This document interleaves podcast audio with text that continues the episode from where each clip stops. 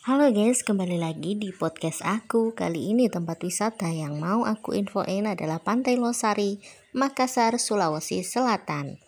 Meskipun belum pernah menginjakan kaki di sana, umumnya orang Indonesia tahu persis di mana pantai ini berada. Ya, di Makassar, Sulawesi Selatan.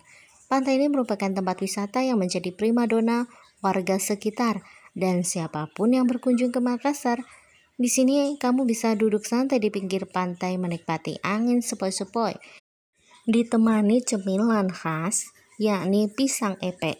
Suasana pantai akan semakin ramai kalau sore hari, karena Losari adalah tempat favorit banyak orang untuk melihat matahari terbenam.